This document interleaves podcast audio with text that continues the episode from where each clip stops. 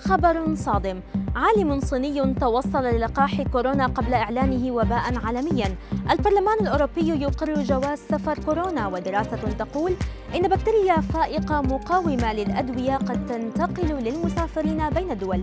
أبرز أخبار الساعات الأربع والعشرين الماضية في دقيقتين على العربية بودكاست. قدم عالم عسكري صيني براءة اختراع للقاح كوفيد 19 قبل وقت طويل من إعلان المرض جائحة عالمية وفقا لما تقوله صحيفة ذا أستراليان.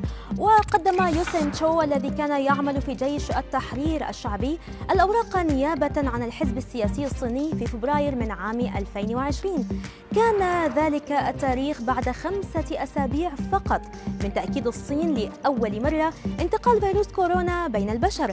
وتوفي تشو في ظروف غامضة. بعد أقل من ثلاثة أشهر من تقديم براءة الاختراع فيما تزعم صحيفة نيويورك بوست أن وفاته قد لم يتم الإبلاغ عنها إلا في تقرير إعلامي صيني واحد على الرغم من حقيقة أنه كان من أبرز العلماء في البلاد.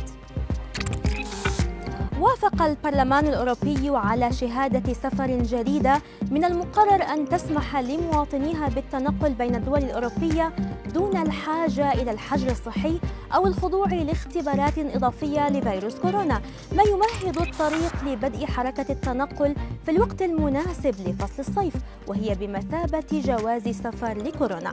ويتعين أن يبدأ العمل بالوثائق في جميع أنحاء دول الاتحاد الأوروبي بحدود الأول من يوليو. المقبل. أعلنت شركة فايزر أنها بصدد توسيع نطاق اختبار لقاحها المضاد لكوفيد 19 على الأطفال الذين تقل أعمارهم عن 12 عاما.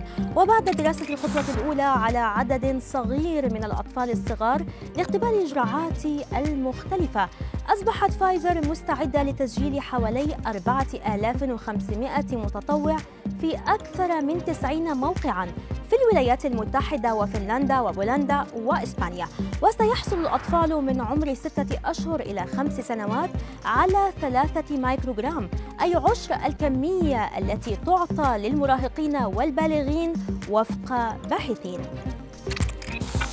حذرت دراسة نشرت هذا الأسبوع في مجلة Genome Medicine العلمية من أن بكتيريا فائقة مقاومة للأدوية قد تنتقل إلى المسافرين بين الدول. وأجرى باحثون أمريكيون وهولنديون دراسة عن آثار السفر بين الدول على البكتيريا الموجودة في معدة الإنسان قبل وبعد زيارتهم لمناطق في أفريقيا أو آسيا.